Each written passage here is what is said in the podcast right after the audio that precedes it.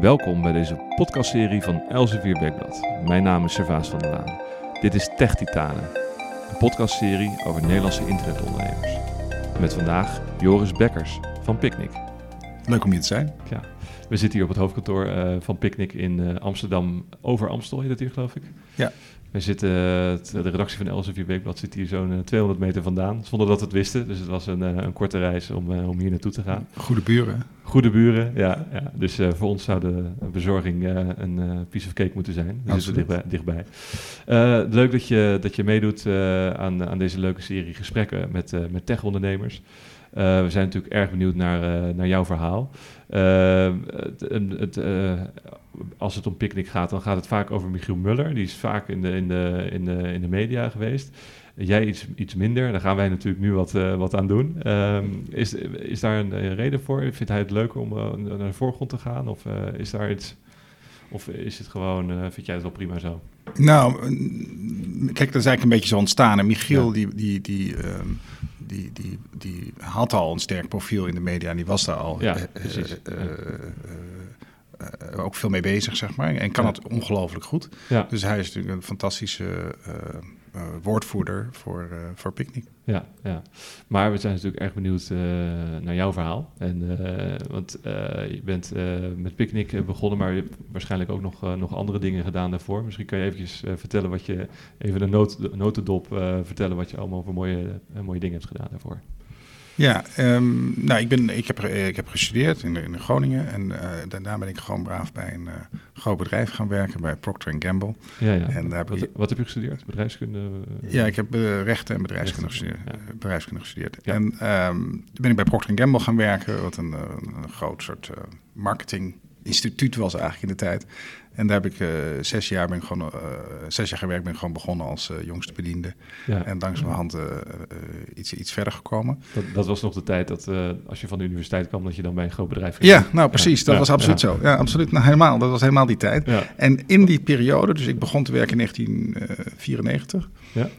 in die soort van periode kort daarna, toen ontstond eigenlijk het internet. En, um, en ik denk een beetje dat de internet misschien wel de grootste uitvinding van onze tijd is, zeg maar. Die heeft ja. heel veel spin-offs, maar ja. het, het, idee dat je dingen digitaal kan doen, uh, is natuurlijk een gigantische uitvinding. Mm -hmm. nou, en dat vond ik uh, spannend, interessant en, uh, en op een of andere manier wilde ik daarbij betrokken raken. Ja. En eerst lukte dat helemaal niet, want ik had gewoon een, een drukke baan. Ja. En ja, hoe ga je nou iets nieuws doen als je ook druk bent en het ook hartstikke leuk vindt ook nog. Tot op een gegeven moment um, ik een, een, een met een vriendin sprak die ik kende via, via Procter en die weg was gegaan en die was in Amerika betrokken geraakt bij een bedrijf dat heet eToys. En eToys was een online speelgoedwinkel opgezet door iemand die dacht, hè, en je moet je voorstellen, in die tijd was Amazon nog een klein boekwinkeltje. Ja, ja, en iemand ja. anders die dacht, nou god, als je boeken over internet kan verkopen, dan kan je misschien ook wel uh, speelgoed over internet natuurlijk verkopen. Dus e-toys, digitale variant van... Uh, Precies, in Amerika was dit allemaal. Hè? En, en, en, en zij is daar toen een project begonnen. Nou, je had allemaal mensen nodig om een website te maken en te ontwerpen en, en uh, allerlei dingen meer. En daar ben ik toen bij betrokken geraakt. Mm -hmm. En uit die samenwerking is een soort uh, bedrijf ontstaan, een softwarebedrijf, dat heet uh, Fredhopper. Waar ook Frederik, waar ik nu samen mee, uh, samen met Michiel, maar ook met Frederik Ja. picknick doe. Ja. waar ik, met Frederik heb ik samen Fredhopper doorontwikkeld tot een, een softwarebedrijf in Europa. En dat hebben we eigenlijk van zeg maar rond de eeuwwisseling tot ongeveer 2010 gedaan. En, te, en onze klanten daar waren grote online retailers. Hè, dus we waren op dat moment zelf geen retailer, maar we leverden de software die ze nodig hadden om hun webwinkels mee te runnen. Wat was dat voor software? Het was zeg maar software om je website uh, mee te optimaliseren. Dus zoeken, navigeren, Oh ja. uh, wat ga je aan wie laten zien, zeg maar. Een soort klein, uh, zonder verdere pretentie, maar een soort mini-Google. Achtig ding Maar, in maar je dan, website. Maar dan voor je business, zeg maar voor je bedrijf, een Google of een... eh, Ja, dus bijvoorbeeld, bijvoorbeeld uh, onze eerste klant uh, in Nederland was Wekamp. Oh ja. En Wekamp die verkoopt van alles. En als je daar intypt, uh, ik zoek uh, een spijkerbroek, dan hebben ze, ik weet het niet, maar dan hebben ze 500 spijkerbroeken. Mm -hmm. En welke 10 gaan we nou laten zien? Ja. Weet je wat Google ook doet, zeg ja, maar. Ja, maar dan... Maar dan voor producten, voor retailers. Maar ook, eigenlijk, uh, we hebben het hier over de jaren 90, 2000. Ja, precies. Heel, heel early days was het, heel early days. En, Want nu is het normaal eigenlijk dat dit gebeurt, maar in die tijd kan ik me voorstellen dat Ja, precies, dat is een goed punt. Het was totaal niet normaal. en, En, en, je moet je voorstellen, de hele online wereld was ongelooflijk klein. Hè? Bol had toen denk ik een omzet van een paar miljoen. Ja. En het waren toen vooral postorderbedrijven die hun klanten zeg maar, van ehm, van de telefoon verhuisde naar het internet. En, en ja. Wekamp was een groot postorderbedrijf. Ja, ja, ja, ja. Nou, dan hebben we voor Wekamp gewerkt, maar toen, toen, toen, was er eigenlijk in Nederland geen klant meer. Want er waren geen online retailers. En toen zijn we naar Duitsland gegaan. Daar had je ook heel veel postorderbedrijven, zoals Otto, Quelle, Karstad. Mm allemaal dat soort bedrijven. Ja. En toen, toen, toen we die een beetje gehad hadden, en toen was nog steeds online retail eigenlijk helemaal niet groot. Hè? Dus 2002, 2003 gingen we maar naar Frankrijk en naar Engeland, et cetera. Zoek naar klanten. Ja, serieus. Er waren maar heel weinig online retailers. Jullie waren te vroeg. Nou, zeker. Ja. Zeker. We waren, het was echt heel langzaam, uh, stapje voor stapje. Ja tot ongeveer 2005, 2006. Dus dat is wel vijf, zes jaar later. Hè. Dus, dus vijf, zes jaar later zoeken naar klanten en dan één klant en de volgende klant, et cetera. En we werden ook langzaam natuurlijk wel beter in. Hè. Hoe, hoe, verkoop je nou sokken online? Hoe verkoop je reizen online? Hoe verkoop je wasmachines? Nou, al dat soort dingen meer. En toen in 2005, toen werd online uh, kopen een gewoon veel breder ding. En gingen allerlei retailers dat... Uh, min of meer groter doen. Ja. Nou, toen kochten ze natuurlijk veel van onze software. Dus toen ging het heel goed met Fredhopper. Nou, in 2010 hebben we het bedrijf uh, verkocht. Uh, of samengebracht met een uh, grote Engelse beursgenoteerde club. En um, toen hebben we nog een tijdje lang dat, dat verder geïntegreerd. En op een gegeven moment vroegen we ons af, nou ja, what's next? En omdat wij, we hadden eigenlijk twee soorten, dus eigenlijk twee soorten observaties of ook wel wensen. We dachten, nou, we hebben nu heel lang aan retailers geleverd, zeg maar als leverancier van software. Is het niet leuker om zelf uh, winkeltje te spelen. Ja? ja? dacht je dat echt? ja, dat, dachten we echt. Het lijkt me geen makkelijke uh, markt. Marge is altijd klein in de retail. Nee, zeker. het lijkt me niet een markt waarvan je denkt, daar duik ik eens even lekker in. Nou, of het makkelijk is, dat, dat ik weet niet of dat zo dat ons eerste criterium was. Het was meer zo van, het leek me wel leuk. Ja, Want okay, ja. manier hoe wij er tegenaan keken was van, goh, internet is toch wel de grote revolutie van onze tijd. Ja. Het heeft, toen was ook wel duidelijk dat in bijvoorbeeld reizen en tickets en elektronica was het ongelooflijk groot. En toen ook al in mode begon het hard te gaan, et cetera. Eigenlijk kochten mensen steeds meer en meer online. Behalve boodschappen. Ja. Nou, en uh, als je dat in getalletjes uitdrukt, hè, dan is ongeveer 30% van alle non-food retail aankopen, dus alles wat je niet in de supermarkt koopt, dus bij uh, in, in, in, reizen of in elektronica of in mode, et cetera, mm -hmm. is, het wordt online gekocht. En in, in, in um, in food, dus in het supermarktland, is het 1%. Of nu is het 2, 3%, maar toen was het 1%. Ja. Maar in ieder geval een enorm verschil. En dat verschil vonden wij gewoon interessant. Zeiden, god, zouden mensen dat nou niet willen? Ja. Nou, en, en, daar zijn we mee aan de slag gegaan. Vanaf 2012 ongeveer. En toen hebben we drie jaar, van 2012 tot 2015... heel intensief, dag in dag uit aan dat idee gewerkt. Dus allerlei uh, stapjes gemaakt, maar dan ook af en toe weer een stapje achteruit, een stapje vooruit. Totdat we het gevoel hadden dat we iets hadden gevonden dat zou kunnen werken. Maar dat was nog geen bedrijf. Je, was, je was gewoon lekker. Uh, het heet ook heel anders. Aan het, aan het, aan het nadenken. Nou, niet zo vrij aan het nadenken. We hadden echt wel een project. Okay, ja, ja we, we, zijn echt wel in 2012 uh, eh, begonnen daaraan te werken. Dus gewoon uh, vijf dagen in de week ja, ja. hard daaraan klussen. Met ook allerlei mensen die erbij betrokken waren. En in het begin was dat vooral veel met andere partijen in die markt praten, proberen te begrijpen wat ze nou deden, wat de problemen waren, waarom het niet lukte, et cetera. En op een gegeven moment gingen we natuurlijk ook uh, dingetjes maken, dingen verzinnen. Op een gegeven moment hebben we dat idee bijvoorbeeld van, uh, we, we, hebben een soort melkboerodertje wat vaste rondjes rijdt. Dat is anders dan alle andere supermarkten hun bezorging doen. -hmm. Nou, dat idee hadden we op een gegeven moment en dat zijn we gaan ontwikkelen en gaan uitwerken. Op een gegeven moment kwam het idee op dat we gaan een eigen auto ontwikkelen. Wat natuurlijk vrij krankzinnig is, zeg maar. Ja, en nou, stapje voor stapje zijn we daar steeds verder in gegaan. Maar gewoon niet uh, je niet laten remmen door uh, obstakels. Nee, nou, we hadden een groot voordeel. We hadden één ja. groot voordeel en we hadden een, een, wit stuk papier. Ja. En um, wij konden gewoon vrij uitdenken, we hadden geen, geen bestaande operatie. We hadden een wit stuk nee. papier en we zeiden, goh, als je nou boodschappen online zou willen doen ja. Hoe zou je dat dan doen? Ja. Met de kennis en ook de staat van de technologie van vandaag. Bijvoorbeeld, hè, we hebben alleen een app. We hebben nog geen website. Nee. Nou, in 2000 uh, eh, bestond er geen app.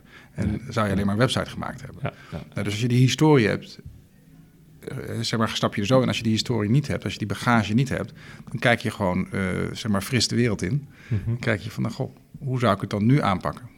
Daar hebben jullie dus drie jaar uh, aan besteed. Aan, ja. het, uh, misschien een beetje een Hollandse vraag, maar hoe betaal je dan de boodschappen? Dat kon, dat kon door... Nou ja, we hadden natuurlijk wel wat... door de exit met ja. Fred Hopper. Ja. Dus je, je had daardoor wat zekerheid en, uh, ja, precies. Dus je, en de tijd. Precies, nou absoluut. Totaal, totaal. Ja. Dat was het precies. Ja. We hadden Ja. gewoon tijd Ja, en, uh, en we hadden wat spaarcentjes en daar Ja. konden we een begin mee maken. ja, ja, precies. En uh, wat, ik, vind, ik vind het ook nog wel leuk om eventjes te praten straks over die, over die beginperiode. Ja. Maar we, we zitten nu bij Picnic, dus laten we gelijk het over Picnic hebben. Wat, wat deden jullie na de drie jaar? Wat, wat, wat was de conclusie? Of wat deden de bestaande supermarkten niet? Of wat deden ze verkeerd? Wat, wat was jullie inzicht na, Ja. na die drie jaar? Ja, precies. Nou, tijdens die drie jaar hadden we eigenlijk uh, een paar belangrijke inzichten. Dus we zagen dat maar heel weinig mensen boodschappen online deden. Terwijl bijvoorbeeld Albert Heijn en ook Jumbo, maar vooral Albert Heijn in Nederland, al, al meer dan tien jaar online boodschappen aanbood. Ja. Maar wat ons opviel, is dat het duurder is om online boodschappen te doen dan naar de winkel te gaan. Ja. En je moet bezorgkosten betalen, zeg maar. Ja. En dat is heel anders dan in alle andere online retailmarkten. Meestal gratis. Ja, Ja, het is in ieder geval, het, is, Ja. het was goedkoper om je reis online te boeken. Dat deed je juist. En je ging juist naar Bol of naar Amazon om een goedkopere televisie te vinden. Niet om een duurdere te vinden. dus, dus die prijs is leidend eigenlijk daar. Ja, in ieder geval voor, voor, prijs en gemak is in ieder geval heel belangrijk voor massale adoptie. Ja. Er zijn natuurlijk zeker mensen, en dat blijkt ook, want eh, 1 of 2 procent eh, van Nederland deed al online boodschappen. Die zijn heel erg blij met de dienstverlening van bijvoorbeeld Albert Heijn. En die is ook verder eh, uitstekend. Maar er waren misschien hulpbehoevende mensen of early adopters. nou ja, of eh, mensen die het kunnen betalen. of mensen die het kunnen betalen. Kijk, die, die, Ja, die ja, een tientje precies. per week niet, niet een probleem vinden. Maar nou, wij waren geïnteresseerd in de mass market. Zou het voor 80% van Nederland ook kunnen werken? Nou, om het te laten kunnen werken voor 80% van Nederland...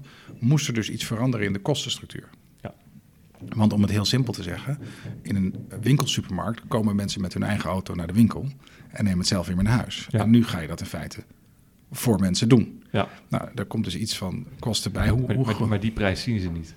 nee, Gek genoeg. Hè? Nee, Dus, die eh, zien ze niet. Nee, die zien ze niet. Maar die moet je. nagedacht. Nee, maar dus, dus, als je, dus je moet nadenken over een ander systeem. En een van de Ja. dingen die ons opviel. toen we gingen kijken naar het bezorgsysteem. en het is bezorgsysteem wat bijvoorbeeld Albert Heijn gebruikt. maar dat gebruiken eigenlijk alle andere retailers. is dat dat functioneert een beetje als een taxisysteem. Dat wil zeggen, als je een bezorgschema van, van bijvoorbeeld Albert Heijn eh, eh, pakt, dan zie je op een dag, daar zie je wel eh 15 verschillende slots staan, van, van 8 tot 9, van 9 tot 10, 10 tot 11, et cetera, Mhm. waarop je ze kan laten komen. En dan zes dagen in de week. Nou, dan, in principe kan je, kan je, als je in een straat woont, kan je ze dus 100 keer per week laten komen. Moet je 100 keer per week naar die straat toe. Ja, ja. Ja. Nou, en Ik hoop niet dat Albert Heijn die klanten heeft, maar uh, ja, nou ja, die, dus kunnen. nee, maar gemiddeld genomen, kijk, d- dit gaat niet één klant, maar als er Ja, tien klanten in door straat wonen, dan moet die, dan moet die auto moet dus tien keer, eh, honderd keer per, per week naar, naar diezelfde straat. Terwijl als je kijkt naar de post bijvoorbeeld, en dat, de postbedrijven zijn toch de grootste bezorgers eh, van ieder land, die komen vier of vijf keer in de week. Ja. Dus toen dachten wij, kunnen we niet meer zo'n soort systeem eh, gaan hanteren? En we noemen het eerste systeem, zeg maar het Albert Heijn noemen we een taximodel. Daar is helemaal niks mis mee. Het is heel prettig om een taxi te nemen om van A naar B te gaan. Maar vrij duur. Kost iets meer. Ja. En wij vroegen ons af, hoe zou de bus eruit zien? En de bus lijkt veel meer op het postbezorgingsmodel. En als je post denkt, dan kun je ook denken aan de melkboer of de SRV-man in Nederland. Dat ligt iets dichter aan tegen food, maar die deed in feite hetzelfde. Ja, de hetzelfde. Ja. de SRV-man die kwam ook drie keer in de week. Was, Niet, was niet, ook best een gek karretje, kan ik me herinneren. Ja. Van Vlodder dan. eh, als je die, Zeker, een grote kar. Een Grote grote, gekke kar. Ja, absoluut. eh. Absoluut. ja. Nou, en heel populair. En het heeft niet alleen in Nederland bestaan. Hè. In alle landen in, in, in de westerse wereld zijn melkboeren heel Gek actief. dat. Dat, dat, het bestond dus eigenlijk. Mensen waren er gewend aan dat de boodschappen werden bezorgd. En opeens gebeurde dat niet meer. Ja. De, en dus de waarschijnlijk een oudere generatie... eh, Nee, het is gewoon, het is in de jaren zeventig weggeconcurreerd door winkels. Kijk, de, de, de, de supermarkt zoals wij die vandaag kennen, dat is eigenlijk de zelfbedieningssupermarkt. ja. Die is uitgevonden eind jaren 60, begin jaren 70. Is misschien wel de meest succesvolle uitvinding ooit gedaan in retailland. Namelijk, mensen kregen auto's. Ja. En je kon dus een winkel gaan inrichten waar geen personeel meer achter de balie stond, maar waar je zelf eh, door de gangen liep en je spulletjes in een mandje gooide. Dat was Ja. goedkoper. Ja. Je kreeg eenheidsproducten, dus niet, niet meer dat je moest worden afgemeten. Maar daardoor En- werden de, de boodschappen dus ook goedkoper voor, voor de consument. Ja, en dus, dus eigenlijk op prijs en op, op keuze Ja. is die, is die, is die SRV-man weggekomen. Want die SRV-man had natuurlijk niet zoals wij een hele app. Die had gewoon alle artikelen in de auto. Ja, Ja. ja, die had dus 100 items of zo. ja. Had je niet erg veel keuze. Nee, heel weinig. Ja, Maar het was nog steeds super populair. Heel erg lang. Mensen vinden de het bezorgaspect daarvan ongelooflijk leuk. Ja, ja. dus dat, uh, jullie kozen voor het busmodel, neem ik aan. Ja, wij kozen voor het busmodel. En dat, heeft, dat, dat zijn we helemaal van gaan uitontwikkelen. Hoe zou dat dan in de moderne tijd eruit moeten zien? Mhm. Dit is natuurlijk niet precies de, de SRV-man. Maar heel veel aspecten wel. En dat zijn we gaan doorontwikkelen. En daar hebben we toen een elektrisch voertuig van gemaakt. Want als je nu een nieuw voertuig ontwikkelt, dan, dan ga je dat waarschijnlijk elektrisch doen. Dat leek ons in ieder geval een beter idee. Ja. Nou, zo zijn we dat helemaal doen. Maar we zijn natuurlijk wel van de grond af aan compleet nieuw voertuig, compleet nieuwe technologie en compleet nieuwe inzichten gaan ontwikkelen. Dat was natuurlijk een ongelooflijk spannend avontuur. Ja, ja. En met de wetenschap dat, die, dat de bezorgbusiness uh, een hele moeilijke business uh, is. Hè. Men, mensen hebben, hebben, het altijd over de last mile en over de, over de, de moeilijkheden van, uh, van, van bezorgen. hadden jullie dat gelijk opgelost met het busmodel of zaten er nog meer haken en ogen aan? Nou, dat, dat, dat, busmodel en, en het voertuig wat we hebben, de combinatie van die twee, die, die zorgen er wel voor dat we tegen veel lagere kosten kunnen bezorgen. Dus dat is alvast een hele goede stap voor. Het is een heel goedkoop uh, voertuig? Nee, het is niet een goedkoop voertuig, maar het is een heel efficiënt voertuig om mee te bezorgen. Ja. Dus uh, heel simpel gezegd, als je een groot traditioneel voertuig gebruikt, hè, dan ga je dat op de hoek van de straat parkeren. Mm -hmm. Want anders blokkeer je de straat voor uh, vijf of tien minuten. En daarom is hij zo klein. Ja, ja. dus het is veel efficiënter. En, maar kan je niet veel spullen meenemen? Nee, maar dat hoeft ook niet. Als je in een stad rijdt, kun je kleinere rondjes rijden. Ja, ja. Maar dat betekent dat je veel distributiepunten moet hebben? Niet veel, maar we, wij, hebben in iedere stad een hubje, zeg maar. Waar, waar die autootjes, die kunnen maar 50 km per uur. Hè? Die gaan nooit de stad uit. Ik haal er wel eens eentje in, ja. Ja, ja, ja, ja precies. Nou, in de stad moet je oppassen. Op principe mag je niet houden. Uh, maar, maar, uh, maar het kan inderdaad wel, bij, bij, net buiten de stad. maar, maar zeg maar, binnen de stad functioneren de voertuigen supergoed natuurlijk. Ja, ja, ja. En uh, sloeg dat gelijk aan? Hoe, hoe uh, kun je vertellen hoe dat toen ging, na die, na die drie jaar dat jullie eigenlijk uh, Nou, het was, heel, het was heel interessant eigenlijk, want um, wij waren daar dus aan het werk en je bent aan het puzzelen en je spreekt met consumenten en je ontwikkelt een idee en laat maar eens even zeggen, dit busidee. Mm -hmm. En wat, als je dat uitdrukt in, in, in zeg maar propositie of consumententaal, dan zeg je dus eigenlijk van alle boodschappen voor de laagste prijs gratis thuis, maar we komen maar drie keer in de week. Ja. Terwijl, zeg maar, de grote bestaande bedrijven, dat was Albert Heijn eh, toen, hè, die, die bezorgen ook goede spullen en ook boodschappen. En die komt honderd keer per week. Of die kan je honderd keer per week laten komen. Maar niet gratis. Maar niet gratis. Ja. Maar toen zeiden, uh, wij, wij, spraken natuurlijk met allerlei mensen over, god, wat vind je van dat idee? En een aantal uh, grote gerenommeerde uh, supermarkt-experts die zeiden, nou jongens, Weet je, ik vind het best aardig, maar dit is echt niet zo'n goed idee. Want moet je luisteren. Albert Heijn is een ongelooflijk groot, vertrouwd merk. Mensen komen er super graag. Dat is allemaal waar. En zij bieden, en nou begint de framing. Zij bieden, quote-unquote, service level 100 keer per week aan. En ja, daar moet je een heel klein beetje voor betalen. Maar goed, jij begint, niemand kent je. En jij begint met service level drie keer in de week. Ja. Je denkt toch niet echt dat dat iets wordt. En het interessante is gewoon hoe de brein werkt. Ik dacht, ja, dat is eigenlijk wel logisch wat hij zegt. En ja. op een moment dacht ik echt... Dan gaan we het anders doen. Nou ja, in ieder geval, het, het zette me nog best aan denken en aan twijfelen. me voorstellen, en, ehm, en gelukkig zijn we toen maar in een wijk, ergens in de buurt van Amersfoort, uh, wat testjes gaan doen. Oh en toen kregen we snel door dat het natuurlijk niet gaat om 100 keer per week. Dat die framing eigenlijk niet klopt. Dat is niet hoe mensen kijken naar hun bezorging. Ze, ze zijn gewoon op zoek naar één of twee keer in de week een goed moment. Ja. En als die één of twee keer in de week bij die drie keer zit, vinden ze het ook prima. Ja. ja. Nou, um, maar goed, ik wil maar zeggen, het was allerminst zeker dat dit een groot succes zou worden. Het was een groot experiment met wat, wat, we zeggen doen. We hebben het ook expres daarom in het begin heel klein gehouden. We zijn alleen maar open gegaan mhm. in Amersfoort.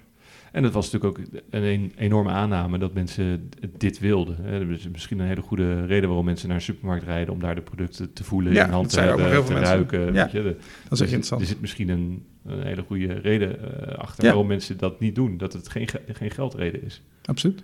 Nou, dat had zo gekund. Dus, dus, maar het bleek uh, anders te zijn. Anders nou, dat, dit had, is allemaal waar natuurlijk. Dat had allemaal heel goed waar kunnen zijn. En ik, ik, ik vind het wel grappig om het er even over te hebben, omdat het zoveel zegt dat er ook ongelooflijke portie geluk bij komt kijken. je moet natuurlijk doorzetten en je moet wel dat pad op gaan. Want als je nooit eraan begint en je gaat nog iets proberen... Dan, Johan Cruijff, hè? Ja, dat, Zegt Johan Cruijff dan. Die heeft heel veel mooie dingen gezegd. Nou, als, je, als je niet schiet, kun je niet scoren. Nou, precies. Nou, dat, zo is het. Maar in dit geval, dus als je niet in de arena bent, als je niet meedoet, dan, dan, dan vind je het in ieder geval nooit uit. Ja. Ja, maar het is maar het allerminst zeker dat het lukt. Waar dan, het, waar nou, het geluk dat het aanslag. Weet je, dat, dat, dat, dat je het net toevallig goed hebt. Dat, dat, is, dat, dat is niet alleen maar wijsheid. Daar moet je ook daar moet je een beetje geluk bij hebben. Nou, in ieder geval, wij zijn begonnen, één stad, heel gefocust. Dachten we ook dat ze het overzien. We hadden, we hadden toen vier autootjes. En uh, nou, we dachten na de zomer, nou oké, we gaan open. Dat waren al deze deze Ja, waren deze autootjes. Van dezelfde autootjes. Dit is precies dezelfde autootjes, maar we hadden er maar vier van. Ja, ja. Eh, of ik geloof vier of zes, maar echt zo uh, heel... heel en, en, nu, even voor, de, voor het idee? 800. 800, ja. ja dus het is, uh, maar, maar, maar zelfs in Amersfoort vandaag hè, rijden 40. Zo. Dus, het, dus of zoiets. Hè. Dus, dus, maar wat, wat interessant is...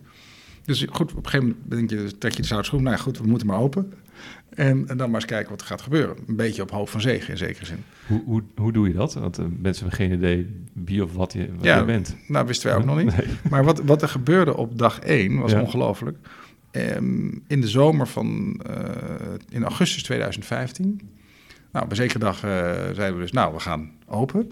Toen is, met name de media zijn er boven opgesprongen. Het was gewoon voorpagina nieuws van alle grote kranten. Ik ben nog nooit zo wakker geworden op een dag, ik, ik weet de, dag niet meer, maar een dag in augustus. Het stond letterlijk alle grote uh, kranten, voorpagina nieuws, televisieploegen, ik geloof dat het was vijf, zes, zeven televisie. Het was echt crazy. Uh, televisie. Hoe kan dat? Ja, dat had ik ook niet door. Maar wat ik nu, wat ik nu denk, maar dus alleen maar achteraf, hè, dat, dat, ik, dat hadden we totaal niet bedacht of zo. Ik denk dat boodschappen toch een heel groot gemeen goed zijn, wat iedereen moet eten. Mhm. Dus het is natuurlijk ook in, in grote massamedia een onderwerp waar iedereen iets van vindt of zo. Ja. Dus het is een, een, relatief makkelijk onderwerp om in een breed publiek uh, over te praten. Plus dat er heel weinig nieuw nieuwkomers zijn in zo'n markt. Dus het, is wel, het werd ook meteen het verhaal, wij waren toch niks, we hadden nog geen pakje boter verkocht, hè? maar wij, waren direct de uitdager van Albert Heijn. S'avonds. Het, was, het was niet het zoveelste appje uh, wat mensen wel kenden. Het nee. was, het was uh, in een business inderdaad waar je weinig innovatie uh, ja. verwachtte. Nou, in ieder geval, ik weet nog heel goed, s s'avonds zat Michiel bij Jinek aan, ta aan tafel. Toen was er een, werd er, een, werd er een, een, een op de achtergrond een beeld getoond waar het logo van Albert Heijn stond, het logo van Jumbo, twee van de grootste supermarkten van Nederland, en het logo van Picnic. Nee. En Picnic, Picnic had nog letterlijk geen pakje boter verkocht. Nee, nee. En maar, maar snap je, er ontstond een hele dynamiek uh, daaromheen. Dus, en, en wat er toen gebeurde, doordat het zo ongelooflijk in de media was, gingen mensen natuurlijk die app ja. Uh, als een gek downloaden. Dus we werden echt overwhelmed met... Uh, Was dat niet, uh, niet, niet, eng? Want ja. heb je opeens allemaal klanten die helemaal niet kan nou, dus, dus, dus jij vertelde mij net ja. dat je in Rotterdam woont... en dat je op nummer zoveel van de wachtlijst staat. Die wachtlijst hebben we die dag gemaakt. Want we dachten, het gaat helemaal niet goed, want we hebben vier auto's. En, al, nou, en toen hebben we er nog wat bij bedacht, hoe kunnen we dat nou een beetje leuk maken? En daar is het hele idee van de wachtverzachter uit voortgekomen. zeg maar dat je een cadeautje krijgt iedere week uh, dat je wacht. Tros bananen. Ja. Tros bananen, nou ja, precies. Nou ja, zo iedere week wat. Maar in ieder geval, we proberen het leuk te maken, omdat we moeten in ieder geval zorgen dat die dienstverlening overeind blijft. Ja, ze moeten jou leuk blijven vinden. Nou, nee, maar gewoon prettig. Gewoon, dus ja, zo wil je dat toch. Het, zou toch vreselijk zijn als we dag twee hadden moeten bellen... en de helft van de mensen... sorry, hartstikke leuk dat je het appje hebt gedaan. Helemaal goed, maar we kunnen helaas niet komen bezorgen. hebben jullie achteraf niet, niet uh, gebaald van die enorme media-aandacht? Misschien was het fijner geweest om een beetje in de luw te, te beginnen. Ja, nou, ik denk dat helemaal niet. Dan was het ook niet geworden wat het nu is. Oké, ja. Dus kijk, het, natuurlijk. Het nodig om, kijk, me, media heeft uh, plussen en minnen. En, maar, maar, eh, maar voor ons consumentenmerk is het natuurlijk eigenlijk gewoon heel goed. Ja, je had wel gelijk antwoord op je vraag. Is hier uh, behoefte aan? Dat bedoel ik maar. Ja, dus toen dachten we ook, dat bedoel ik maar. Ja. Dus inderdaad, we zijn toen heel snel aan het werk gegaan. Hoe komen er meer autootjes? En, en, het was allemaal niet zo makkelijk, want die maakten we zelf. Dus die kon even niet zomaar naar een show oh, lopen van doe mij nog een auto. nee, nou, die dingen maken we allemaal zelf. Dus nog steeds? Ja. Ja, nou met partners en zo. Maar, ja, maar goed, het is niet, je kunt niet naar, naar Volkswagen of Mercedes of okay. van doen. Je kan er geen uh, kopen bij de. Nee, je kan er nergens kopen. Dus er horen allemaal dingen bij. En dus we moeten ontzettend in de benen om dat te gaan doen. En de, de, de spullen die haal je, waar haal je die vandaan? Ja, nou, dat hadden we van tevoren hadden we dat al wel geregeld. We hebben ja. een samenwerking met Boni, die we nog steeds hebben. Dus we hadden wel uh, goederen, we hadden wel spullen. Dat was genoeg spullen. Dus ja, maar er ging ook van alles mis had, natuurlijk. Je had een contract waar, waarmee je heel snel kon opschalen. Ja, oké. Ja, dat hadden we wel. Dat hadden we. Nou, dus toen gingen we in Amersfoort aan de slag. En het eerste nou pin me niet vast op een paar maanden, maar de eerste negen maanden of zo zijn we alleen maar in Amersfoort bezig geweest. Ja. Bijna het eerste jaar, denk ik zelfs al. Ja. En toen ging het daar zo hard. En toen dachten we, nou, misschien moeten we dus proberen in, uh, in Almere. Toen zijn we naar Almere gegaan. Waarom hebben we eigenlijk voor Amersfoort gekozen? Was een... Nou, niet een enorme studie, maar wat we wel hadden bedacht is... Uh, we, we, dachten, kijk, ons doel was om te kijken of je ook een, een, een een wezenlijk alternatief voor een supermarkt, voor een winkelsupermarkt kon maken. Dat betekent in onze ogen iets wat door heel veel mensen gebruikt wordt. Mhm. Dus een mass market proposition. Dus toen dachten we, ja, om dan naar Amsterdam-Zuid te gaan, dat is niet echt uh, zeg maar representatief voor Nederland. Doorsnee Nederlander, ja. Nee, dus we zochten iets niet in Amsterdam. Nou, we zijn in Amersfoort, dat vonden we een mooie stad. En dit is ook een hele goede, eh, prima uh, provinciestad. En het is ontzettend goed uitgepakt voor ons.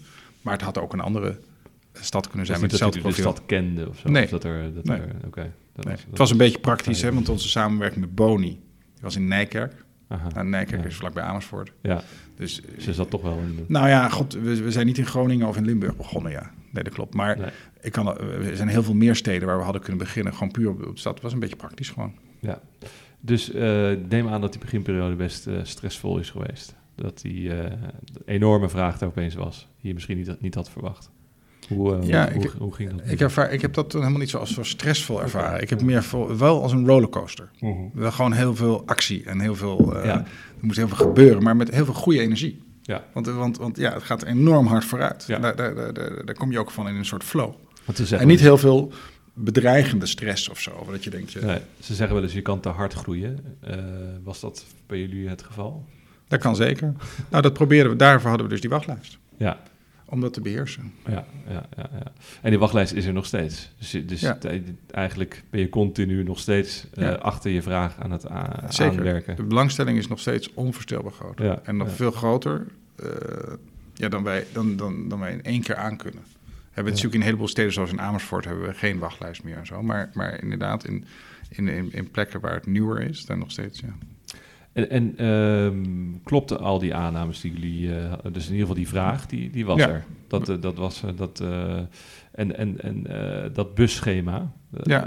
bleek dat goed te werken? Werkt als een trein. Werkt als een trein. Ja, nou, de, ja, ja, bus, ja, ja, dat is grappig. Nou, wat, kijk, wat ook een grappig voordeel van de bus was, wat we ook misschien niet helemaal door hadden toen we eraan begonnen, is als je een taxisysteem hebt, zoals Albert Heijn, dan moet je van die slots maken van een uur. Mm. Die komt tussen 8 en 9 of soms 2 uur. Ja. Maar de bus die rijdt op de minuut precies. Net als een busschema. Ja. Die zegt gewoon, ik ben 16 over 2 ben ik bij deze halte. En uh, ja. 23 over 2 ben ik bij de, bij de volgende halte. Goed is. Ja. maar goed, op zich treinen. Maar in ieder geval met een marge van een paar minuten is, uh, klopt dat inderdaad vaak. Nou, dat doen wij dus ook. Dus mensen hoeven ook niet meer te wachten. Dus het was niet alleen gewoon goedkoper, betaalbaarder. Je hoeft ook niet meer te wachten. En het derde element wat, wat, wat een rol is gaan spelen is de bezorgers, of de runners zoals wij, zoals wij het noemen. Die zijn, spelen een ongelooflijk belangrijke rol in onze propositie. Een beetje zoals de melkboer vroeger of de SRV-man. Um, die, dat zijn echt de vertrouwenspersonen tussen de klant en ons, zeg maar. En iedereen vindt het prettig om dezelfde persoon aan de deur te krijgen. Ja, ja. ja, ja. Een, en, en, en, daar is eigenlijk ook nog heel weinig in gebeurd als je kijkt naar bezorgland, zeg maar. Als je naar alle postbedrijven of pakketbezorgers of dat soort bedrijven kijkt en dat is vooral efficiëntie wat daar de toon slaat en wat minder klantervaring. Ja. Nou, wij hebben daar veel meer klantervaring van gemaakt. Ook gewoon aan mensen gaan vragen wat voor type bezorgers ze nou het liefst zouden willen hebben. En bijvoorbeeld heel interessant is, boodschappen worden toch ook heel veel door vrouwen gedaan. Mm -hmm. Die zeiden, ik zou eigenlijk wel een vrouw aan de deur willen. Oh ja.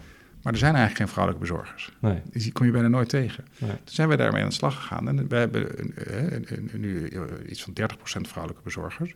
Maar wat ze zeggen is eigenlijk nog iets anders. niet per se dat het alleen maar vrouwen moeten zijn, maar in ieder geval niet zo'n arg figuur.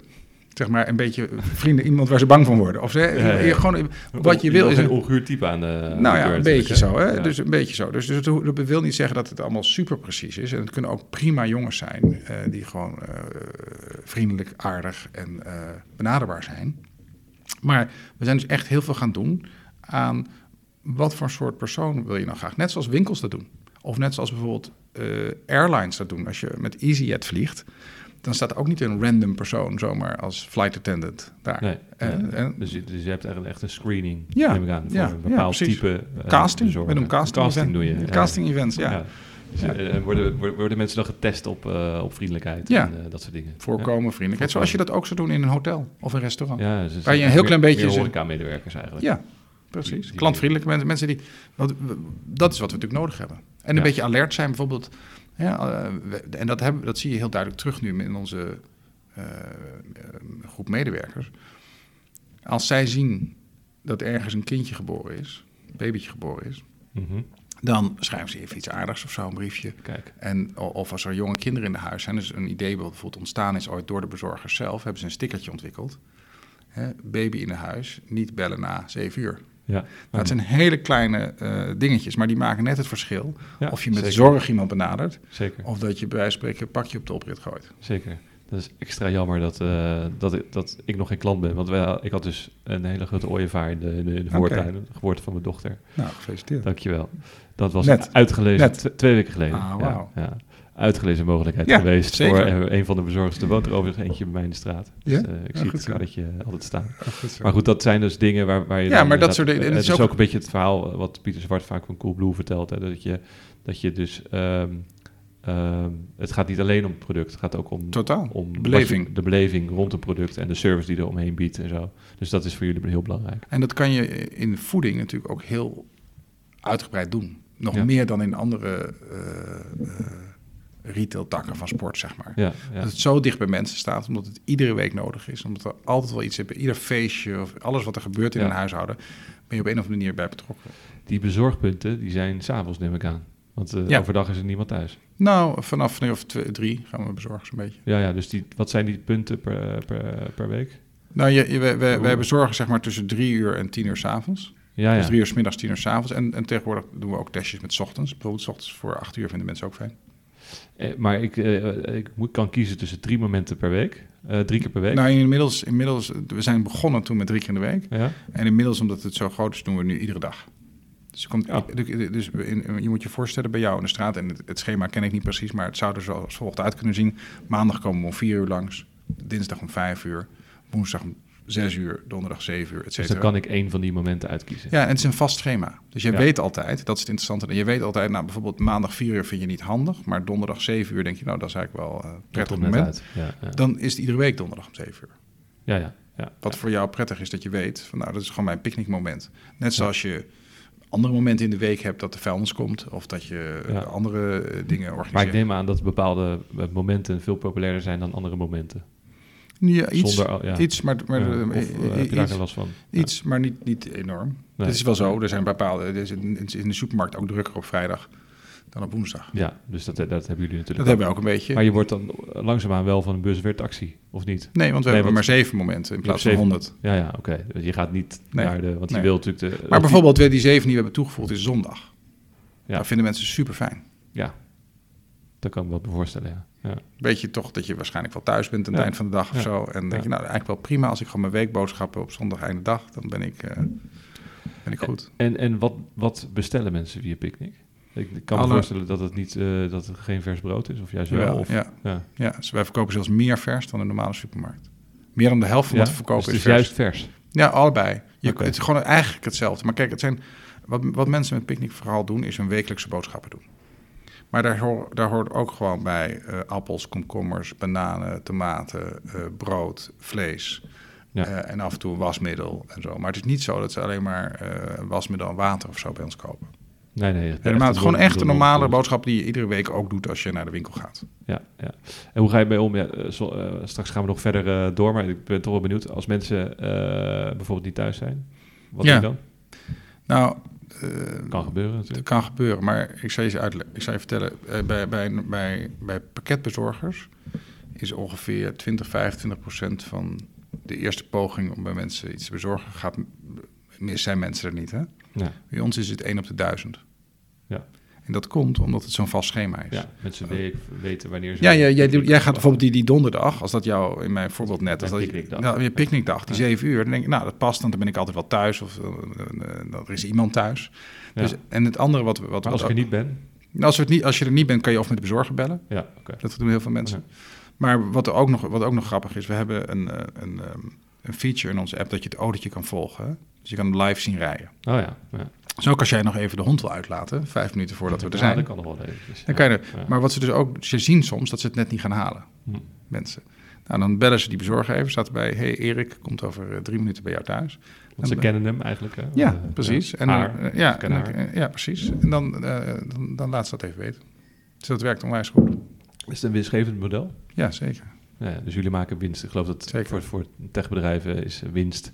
Vinden jullie zelf een techbedrijf eigenlijk of een, zijn jullie een supermarkt? Nou, we zijn zeker een techbedrijf. Ja, ja.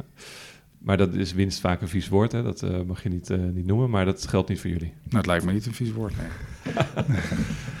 dus jullie maken winst. En dat wordt dan weer uh, geïnvesteerd in elkaar in de uitbreiding, want dat is nodig. Want anders dan kom ik nooit aan de beurt als klant bij jullie. Dat, dat is heel dringend nodig. Ja, dat is heel dringend nodig.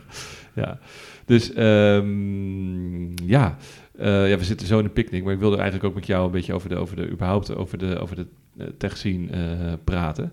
Um, wat ik wel interessant vind sowieso is hoe reageren de supermarkten op, op jullie. Uh, ik kan me voorstellen dat Albert Heijn zegt, oh maar dan doen wij dat toch ook. En dan, toch? Ja. Eh, dan hebben ze en de, en de naam en dezelfde service. Ja, ik heb ze nog niet gezien met hetzelfde. Ik heb ze nog niet gezien, maar... Uh, nee. nee, nou, we zijn toch al een paar jaar bezig inmiddels. Ja, nee, nou dus kijk, dat, gebeurt niet, nou, dat is niet zo eenvoudig ook. Dan moet je dus ook een auto gaan ontwikkelen. Dan moet je dus ook alle technologie ontwikkelen die wij hebben ontwikkeld om dit te kunnen doen tegen aanvaardbare kosten, ja. et cetera. Ja. Dus dat is nog niet zo makkelijk. Dus jullie hebben eigenlijk die voorsprong gepakt. Uh, ja, en, nou, ontwikkeld zelf. Hè? We zijn gewoon die drie jaar dat wij hier hebben zitten puzzelen op een zolderkamer. Ja. Die hebben toch iets van waarde gehad. En inmiddels zijn we ook alweer drie, vier jaar verder. Dus inmiddels zijn we een jaar of zeven uh, daarmee bezig. Ja. En, um, en, en, en je moet ook bedenken, vanuit supermarkten gezien...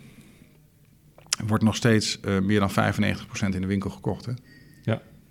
Ja. Dus winkelbusiness is helemaal niet slecht, niks mis mee. Nee, dus het is ook niet een te grote pijn voor, voor Albert Heijn. Nee. Hun bezorgmarkt was al klein. Uh, hoor je jezelf nog? Of, uh? Nou, niet helemaal meer, maar oh, ik heb het, het, het, misschien... Ja, nu weer. Nu, ja. ja. Nee, nu weer. Nou, het is goed zo. Die andere was het. Deze? Nee, die tweede. Die, ja. ja. Gaat goed zo? Nee, nu meer. Nee. Ja. Ja, ja, ja. Nou maar. Ja. Oké. Eh, eh, het wordt dus ook niet geprobeerd door de supermarkten. Nou jawel, ze hebben natuurlijk een eigen bezorgbusiness. Uh, Albert Heijn heeft nu nog steeds hetzelfde bezorgmodel wat ze ook al hadden voordat Picnic bestond. Ja. En dat is op zich ook hartstikke succesvol. Ja, maar dat, is een, dat zijn andere klanten. Ja, dat zijn natuurlijk mensen die, die zich dat kunnen veroorloven om te doen. Ja. Dus in Amsterdam zie je dat bijvoorbeeld best veel. En in Rotterdam zou je het ook wel behoorlijk wat zien. En wat krijgen ze ervoor? keuzevrijheid. Uh, ja, keuze. En, en, en, en, en, maar je moet wel een tientje uh, betalen als je, als je laat dat, komen. Maar dat is, dat is het voordeel van de, van de bestaande supermarkten. Ja, het is de taxi ten opzichte van de bus. Ja, het is gewoon zeggen, zeggen wanneer... Ja, en, en, en, en kijk, uh, ik ga veel met de trein, maar je kan ook met een taxi gaan. Ja. Dat is hartstikke fijn. Ja, is dat voor langere afstanden is de trein misschien wat uh, voordeliger dan de taxi. Maar goed. Ja, ja. Nee, het is zeker voordeliger. De bus, is, de bus is altijd voordeliger dan de taxi. Ja, en het een heeft, uh, ja, het is, de EasyJet uh, is ook voordeliger dan in de business class van KLM. Ja, ja, ja duidelijk. Dus het is, we, kunnen het, we mogen het wel een succes noemen. Hè? Want ik neem aan, er waren wel hoge verwachtingen na die, al die media-aandacht in het begin. Dan moet je het nog maar waar zien te maken. Zeker. Ja, dus dat, Is, dat is in jouw ogen wel inmiddels gelukt of ben je er nog niet? Nou, we zijn heel eind verder in ieder geval. nou, dan moeten er veel meer. Inmiddels zijn we al veel verder. We zitten in iets van ruim 70 steden in Nederland. En uh, we zijn inmiddels ook in Duitsland. Oh ja, uh, en, uh, maar je wil dat massaproduct worden, toch? Ja. Je, wil dat gewoon 70% van de mensen ja. online bij jullie spullen boodschappen doet. Ja, dat maar het gebeurt ook in steden. Dus in, in, in zo'n zo stad als Amersfoort heeft meer dan de helft van de hele bevolking zich ingeschreven bij Picnic. Hè? Ja. Hoeveel mensen bestellen boodschappen bij Picnic op dit moment? Hoeveel er nu precies bestellen, dat weet ik even zo Ongeveer. Gewoon hoeveel klanten? Nou, honderdduizenden. Honderd, honderdduizenden. Ja, veel. Nou ja, ja, ja, ja, En je zit in steden. Ik neem aan in dorpen is... Uh, nou, ook, nee, ook, ook bijvoorbeeld, uh, bijvoorbeeld rond Amersfoort ligt Leusden, ligt er vlakbij. En Soest, ja, uh, maar, die komen ook. Oost-Groningen? Nou nee, we zitten helemaal nog niet in Oost-Groningen. We zijn eigenlijk vooral actief in de Randstad nu. Ja. En, maar het groeit een beetje als een olievlek. Hm. Dus dat is een kwestie van tijd. Dat dat, uh... Ja, het is een kwestie van tijd. Nou, ik denk niet dat we in de allerkleinste dorpen uh, in Drenthe of in Zeeland zullen komen. Want dan werkt je model niet meer. Dan zijn er te weinig klanten om jouw ja. bus. Precies, daar precies. rijden ook geen bussen. Dat is precies, precies, precies het punt. Precies het punt. Ja. Maar wel in heel veel gemiddelde steden. Ja, ja, ja, ja, ja. Dus dat, dat komt er nog aan. Ja. Um, wat, wat uh, je bent eigenlijk ook, ben je, veel, ben je nog veel bezig met het ondernemen nu? Want je bent eigenlijk ook, je bent supermarkt-eigenaar geworden. Of, of zie je dat anders? Hoe, nee, het is volledig ondernemen dit. Ja, nee, niet dat dat niet ondernemen is, maar... Uh, nee, dat ook dat. dat nee, maar ik ben er heel onder... We zijn, kijk, nou, het is wel zo, waar je, waar je misschien bedoelt, is dat... Hey, er werken bij Picnic nu meer dan 3000 mensen. Ja. Dat is natuurlijk wat anders dan 30 ja. toen we in Amersfoort open gingen. Ja, dat is en, even en het is ook een, een, een, omvang van een bedrijf wat ik ook nog nooit gedaan heb. Nee. He, dus, dus, wat ik juist heel leuk vind aan Picnic, maar dat vind ik leuk aan ondernemen überhaupt... is dat je zeg maar uitdagingen aangaat ieder half jaar... Dat je, dat je jezelf eigenlijk een beetje opnieuw moet uitvinden. Ja. Van hoe doe ik dat nou? Ja. En, hoe, hoe, en dat geldt voor mij ook. Ja. Het, geldt met, het geldt met het uitvinden van een nieuwe auto of een ander uh, project of een app of wat dan ook. Maar ook van hoe run ik een bedrijf met 3000 mensen. Hoe run je een bedrijf met uh, 3000 mensen? Nou, daar is natuurlijk niet een soort recept voor of zo. maar, uh, maar dan moet je wel denken over andere manieren van communiceren bijvoorbeeld. Ja. Ja, als je met z'n dertiger bent, en, uh, dat deden we ook altijd. Dan uh, iedere ochtend deden we even een stand-up. We stonden even met elkaar van, nou jongens, wat moet er vandaag gebeuren? Nou, Ja. deze vijf dingen. Ja. Heb ze aan de slag. Aan het einde van de dag een biertje, klaar. Ja. Nou, met heel veel verschillende locaties is dat natuurlijk anders. Nou, wat we onder andere doen, je zit hier, hiernaast, zijn allemaal grote videoverbindingen en schermen en zo. Dus we, we, we beginnen de week nog steeds met z'n allen. En we sluiten de week met z'n allen af, maar wel op verschillende locaties en gefilmd, want anders gaat het natuurlijk niet. Ehm, eh, dus dat soort dingen doen we nog wel. En we hebben inmiddels ook dat we dat doen over verschillende landen heen. Dus in Duitsland en Nederland op die manier integreren. Dus we zoeken de hele tijd naar nieuwe soorten oplossingen. En ook wie het beste wat kan doen. En dat, ver- ver- dat verandert natuurlijk ook over tijd. Ja, ja, ja. Vo- ja wat, wat, wat, wat vind je leuker? Vind je dat, dat, dat pielen in het begin, eh, dingen uitvogelen, dat is het toch eigenlijk wat ondernemen ook zo leuk maakt. Dat je, dat, je, dat je ergens een kans ziet en je denkt, daar ga ik wel wat mee doen. En dan blijkt het ook nog te lukken. Maar je weet eigenlijk al dat dit lukt. Dit is eigenlijk het uitbouwen Nou. van een bestaand eh, idee. Nou, ik vind wat jij zegt precies het leukste van ondernemen. Dus Ja. knutselen Ja, of prutsen. Ik zeg wel eens, eh, ik hou van prutsen. Ik ben een Ja. beetje een prutser. En, eh, de, de, de, nee, maar ik hou enorm van dat, Ja. van dat knutselen aan een probleem om het beter te krijgen. Maar dat, is, want dat was toen zo en dat is nog steeds vandaag precies net zo. ja. Wat is nu het probleem van Picnic? Nou, er zijn, Wat- maar er gewoon, het is niet, je- het wat is één pro- het is niet zozeer één... Waar ben je nu mee aan het knutselen? Nou, er is niet één probleem, maar er zijn allerlei dingen die we beter proberen te maken. Het leuke vind ik van dit soort ondernemingen, en dat is bijvoorbeeld ook de reden dat wij nagenoeg alles wat we doen zelf maken, dus ook zo'n voertuig, is dat we continu doorontwikkelen. We hebben inmiddels versie 3 en we zijn bezig met versie 4 van het voertuig. Mhm. Er zijn continu verbeteringen te verzinnen. Ja, ja, ja. En soms ook hele grote. Want we zijn pas net begonnen. Het lijkt alsof wij al heel succesvol zijn. We zijn nog minuscuul klein. En we zijn eigenlijk net... net, net Drie jaar, drie jaar Ja, drie jaar bezig. Ja, drie, vier jaar bezig. nou ja, en wat weten wij nou helemaal? Wij weten maar heel weinig. We hebben een beetje wat geleerd en dat proberen we zo snel mogelijk, zo goed mogelijk te implementeren. En nou, gelukkig vinden mensen dat fijn. Maar er is nog een ongelooflijke wereld die voor ons ligt. En op allerlei vlak. Hè, we vragen bijvoorbeeld ehm, leveranciers aan ons van, goh, hoe zouden we nou anders kunnen samenwerken? En dan gaat dan bijvoorbeeld over vragen als, waarom zit eigenlijk al dat karton om die producten of plastic om die producten heen? Dat vind ik nou een goede vraag, ja. Ja, ja. nou, dus ik was bijvoorbeeld een uurtje geleden hier bezig met een leverancier om te kijken, god, kunnen we nou om te beginnen dat karton er eens afhalen? Dus de doos, dus niet de, de, de, zeg maar de hagelslag, het ging niet over hagelslag, hè, maar niet de, de, de- De hagelslag lijkt me dan weer lastig. Nee, maar wat ik bedoel is de omverpakking. Dus niet het, Ja. doosje hagelslag wat jij koopt. Nee, maar, de, maar het komt aan in een kartonnen doos. De doos om de doos. De doos om de doos, ja. Ja. Nou, dat is nodig voor een winkel. Want die moet het de winkel indragen Ja. om het op het schap te zetten. Ja, Maar is voor ons niet nodig. Nee. Dus we, maar goed, wij zijn natuurlijk nog een hele kleine afnemer. Dus we proberen iedereen uit te leggen. eh, Kunnen we die niet afhalen? Dat scheelt jou heel veel geld en dan hoeven wij hem niet weg te gooien. Ja. Nou, dat zijn eindeloos veel initiatieven. En dat is voor iedereen goed. Want daardoor is er gewoon straks minder verspilling in de keten. Ook minder kosten. Nou, eh, hartstikke goed. Voor zowel de leverancier als voor ons. Nou, dus dat geldt op heel veel onderwerpen. Dat die keten efficiënter maken heel nuttig is. Bijvoorbeeld, we hebben, wij doen ongelooflijk veel tegen voedselverspilling. We hebben iets van 70%, 80% minder voedselverspilling dan een supermarkt. Maar dat kan nog beter. Nou, en of we proberen een nieuw soort dienstverlening te verzinnen. Dus eh, maaltijden en zo. Dat je niet alleen maar meer componenten koopt, maar dat je Ja. hele maaltijden kan kopen. Nou ja, al dat soort eh, Want, elementen. want in hoeverre is het, is het inkopen voor jullie anders dan inkopen voor een bepaalde, voor een, een bestaande normale supermarkt, zeg maar? Jullie, jullie kopen in op vraag van de klant, neem ik aan. Maar dat Ja. kan- je, je moet toch, je moet wel enigszins anticiperen. Je kan niet zeggen, oh, er, er, er wil nu eh, een klant eh, zoveel broden. Dan moet Nee. je snel gaan bijbakken. Nou, een beetje doen we wel. Dus, eh, dus eh, nou, bijvoorbeeld brood, eh, heel specifiek.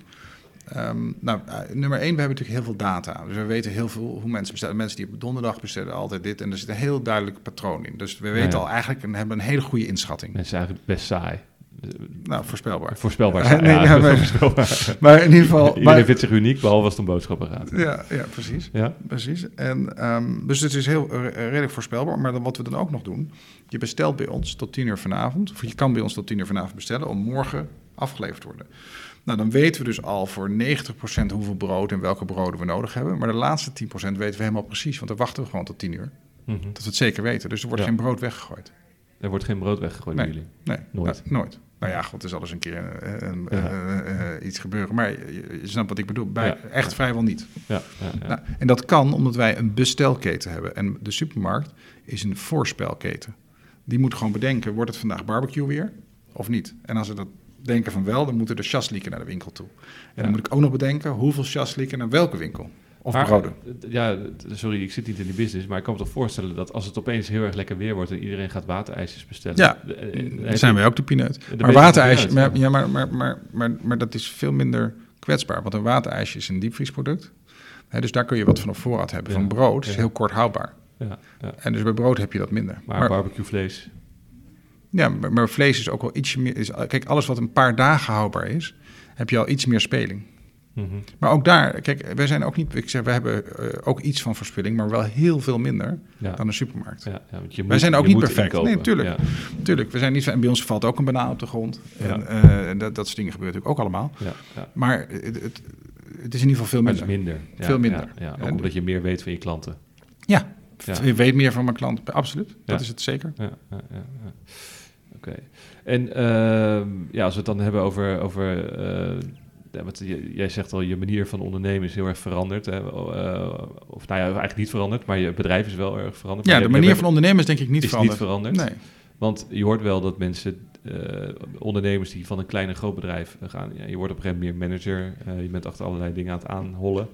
Uh, dat is jou niet gebeurd, zo te zien. Je, je, fronst een beetje met je wenkbrauwen. Nee, nee ik hou niet zo van managers. Nee, maar dus, ja. maar, um, maar het gaat meer om het woord. Uh, want het is, nee, dit, okay, dit is natuurlijk... Je, moet, je hebt een groot bedrijf te runnen. Ja, zeker. Dat doen we ook. Maar, maar wat, ik nou, wat ik nou ontzettend leuk vind bijvoorbeeld... Hè, is eigenlijk ondernemerschap biedt je eigenlijk de kans, de vrijheid... om te mogen nadenken over ingewikkelde problemen.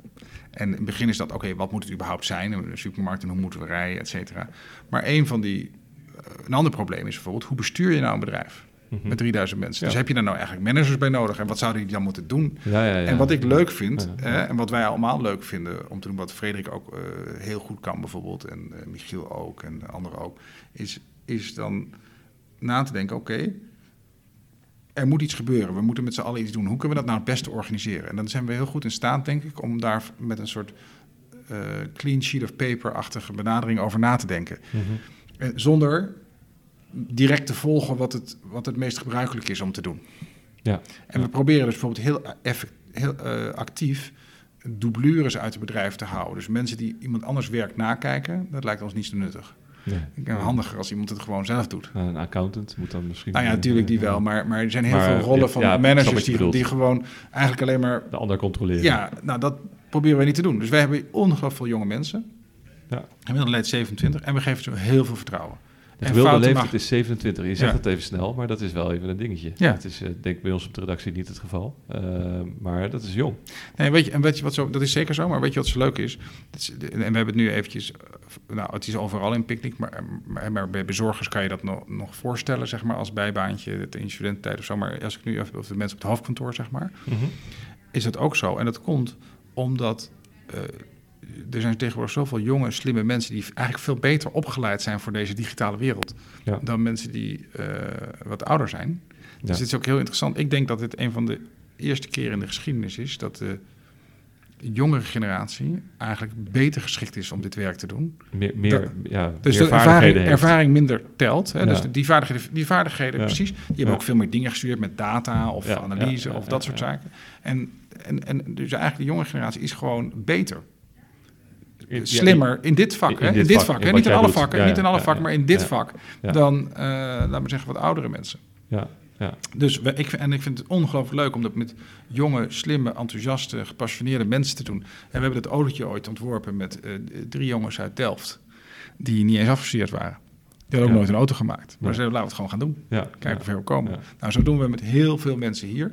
En dus er zijn heel veel jonge mensen die gewoon echt wezenlijke verantwoordelijkheid hebben. En iets doen. En, en heel veel vrijheid krijgen om dat te doen. En ook uh, fouten mogen maken. Ja. En als het misgaat, nou ja. En we zijn geen hartchirurgen. Er vallen hier geen doden als het misgaat. Nee, we krijgen hoogstens dat er een paar bezorgingen niet goed gaan. Precies. Nou, dat is vervelend. Kun je allemaal herstellen morgen. Is geen ramp. Ja, ja, en en, en de, om die mensen in hun kracht te laten staan, of iedereen in zijn kracht te laten staan, dat, is... Dat is wel managersterm trouwens hoor, in je kracht. Uh. Nou oké, dat is dan misschien fout, maar energie, energie, energie nou zeg het energieniveau ja, is, heel belangrijk, is heel belangrijk.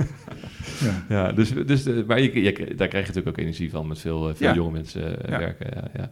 Dus, en um, even kijken, hoe, hoe um, ja, het gaat de hele tijd over Picnic, maar het is ook een heel leuk bedrijf. We wilden natuurlijk in deze serie wilden we ook wat, uh, wat horen van jou over, uh, over, over Picnic is ook veel belangrijker dan ik. Ja, of stap dan ik, Michiel, stap of ik, natuurlijk. natuurlijk, of natuurlijk, of wie dan ook.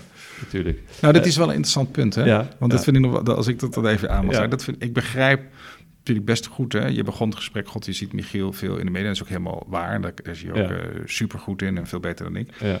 Maar het is ook interessant wat er in onze beeldvorming gebeurt. Hè, dat, dat, dat hele grote dingen worden opgehangen aan één figuur. Dat gebeurt ook in politiek natuurlijk ook heel, heel sterk. Amerika is Trump. Als zeg maar, of, of in Nederland, nou, et cetera. En dat, dat ik, je vraagt, ik begrijp dat dat handig is en duidelijk, eh, verduidelijkend werkt. Hè?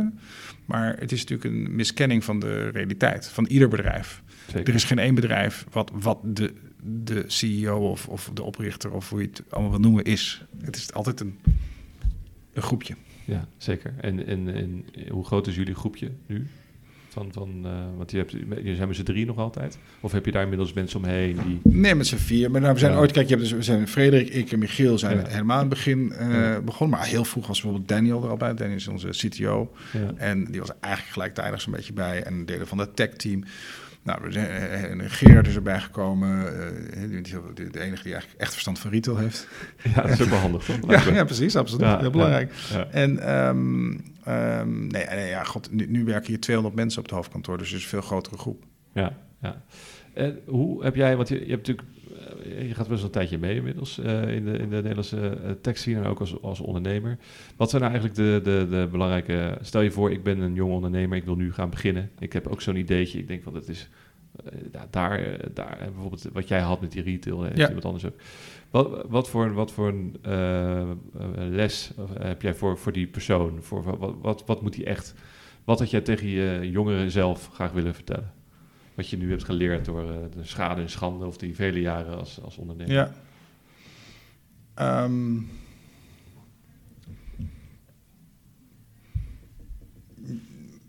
ja, ik denk dat het vaak gaat, hè, niet om een briljant idee, maar het gaat één om durven. Dus op een gegeven moment, je hebt mhm. iets bedacht. Nou, durven betekent gewoon in actie komen, durven en doen, gewoon ja. het gaan doen. En het derde uh, element is doorzetten. Nou ja, ja, want het gaat eigenlijk, en dat allerlaatste gaat het om. Want ik, ik, ik, geloof, ik denk een beetje dat um, het is niet de beste die wint. Dat is een wedstrijdje zou zijn. Mm -hmm. Maar het is degene die het meest probeert. Want laten we zeggen dat wij allebei even slim zijn. En dat we allebei aan een probleem gaan werken. Ja. Nou, dan, dan, dan, dan hebben we dus allebei dezelfde kans om het probleem op te lossen. En het verschil tussen ons zou kunnen zijn wie het het vaakst probeert. Als ik het tien keer probeer en jij probeert het maar twee keer, ja. heb ik een grotere kans om uiteindelijk de oplossing te vinden. Ja, ja. Nou, dat, dat is doorzetten. Gewoon de hele tijd itereren. Nou, itereren, de hele kleine stapjes. Nooit te ver vooruit denken, nooit een heel lang plan maken, maar gewoon volgende week, over twee weken, over een maand. Dat, die, die manier van werken en die focus. En dan met, met, met, met doorzettingsvermogen uh, uh, kom je er. En dat zie je ook, vind ik. Je ziet ongelooflijk veel voorbeelden in ondernemersland waar het zijn bijna altijd doorzetverhalen. Dus het is heel zelden dat je een keer. Een, een, een, je komt ook af en toe een zondagskind tegen. Maar, ja, maar, ja. maar meestal zijn het doorzetverhalen. Hè? Want, want er komt ook tegenslag. En dan moet je proberen, hoe ga je nou verder? Dat, dat, dat, dat definieert, vind ik, een ondernemer. En een, en een ondernemer neemt ook echt risico daarin. En niet zozeer geldrisico, dat kan ook, hè, maar, maar vooral gewoon, ja, ik weet niet of het lukt. Toen wij in Amersfoort begonnen, ja, had ik nooit kunnen denken, lukt het of lukt het niet? En dat kan niemand kunnen weten. En dat vindt een groot bedrijf moeilijk, want die, die willen eigenlijk geen risico nemen. Die willen wel die test doen, die willen hetzelfde pilot misschien doen als wij hebben gedaan. Amersfoort. Eigenlijk van tevoren willen ze al weten dat het gaat lukken. Dus maar als, je, als je eigenlijk stiekem zegt van, ik wil eigenlijk van tevoren al wel, wel, bijna wel weten dat het lukt. Ja dan probeer je dus niet iets spannends genoeg. Dan blijf je binnen de gebaande paden. Nee. Wat ik wel grappig vind eh, van, van jullie, van wat jij doet, is dat je eigenlijk iedere keer met een blanco velletje begint. Hè? Dus dat, je dus niet de hele tijd dat er allerlei aannames zijn. Men doet dit nu helemaal zo. En dat eigenlijk de, de, de, Kijk, je bent uh, toen jong was bij Procter Gamble gaan werken. Uh, bij dat soort grote bedrijven is dat eigenlijk wel de manier van, van doen. Hè? Je kijkt naar het verleden. Zo doen we dit. Dus dan gaan we er uh, volgend jaar doen we er een paar procentjes bij en dan uh, komt het helemaal goed. Maar dat model werkt niet zo goed meer. In, in de, uh, terwijl, de, of in ieder geval de, de wereld verandert heel snel. als je dan denkt, we kijken naar het verleden en we doen een paar procentjes bij. Nou, ik denk dat het anders is. Ik denk dat ik, ik, nou, ik, ik, denk, uh, ik, ik, denk dat het best goed werkt. Als je een heel groot schip moet besturen, mhm. als je een olietanker de oceaan over moet sturen, dan moet je vooral niet gaan zigzaggen. Dan moet je gewoon inderdaad uh, uh, op koers blijven. Dus dan heb je een militairachtige operatie nodig. Ja. Command and control. Mhm. Die zoiets uitvoert. In een leger is het ook maar beter dat we het zo doen. In een fabriek ook. Ja. Er zijn heel veel plekken waar dat heel goed werkt. Alleen in innovatie niet. Innovatie is hetzelfde als R&D, mhm. als, als wetenschap, als, als, um, als op een universiteit. Mhm. En als een universiteit, als je iets wil uitvinden, dan snapt iedereen, ja, dat gaat niet door gewoon een, een gemechaniseerd proces uit te vinden, want, af te lopen, sorry, want dan, dat, dat is van A naar B. Dus in een creatief proces, dat moet je anders organiseren. En dat moeten wij ook goed doen, want als wij hier niet de beste in zijn, dan kunnen we nooit winnen. Nee. Dus wij moeten het beste zijn in innovatie. En om het beste te kunnen zijn in innovatie, moeten wij ook nadenken hoe organiseren we dat nou? Als wij een command and control legerachtige organisatie zouden optuigen, zouden we nooit goed worden in het vak waar wij goed in moeten worden. maar als ik, een, als ik de baas zou zijn van een hele grote supermarktketen, zou ik denk ik anders doen. Maar straks ben je dat. Straks ben jij nou, een hele grote. Dat, er zal ook een moment komen op een gegeven moment misschien. Dat is, dat is nog heel veel jaren voor ons, maar dat zal misschien ook, ook komen. Maar dan ligt er ook nog net hoe wij de markt benaderen. Als wij in een fase zitten van nog steeds veel groei en dus veel innovatie, dan zullen we het blijven doen zoals wij het nu doen. En dat is, ik denk, voor de komende 30 jaar zo. Ja.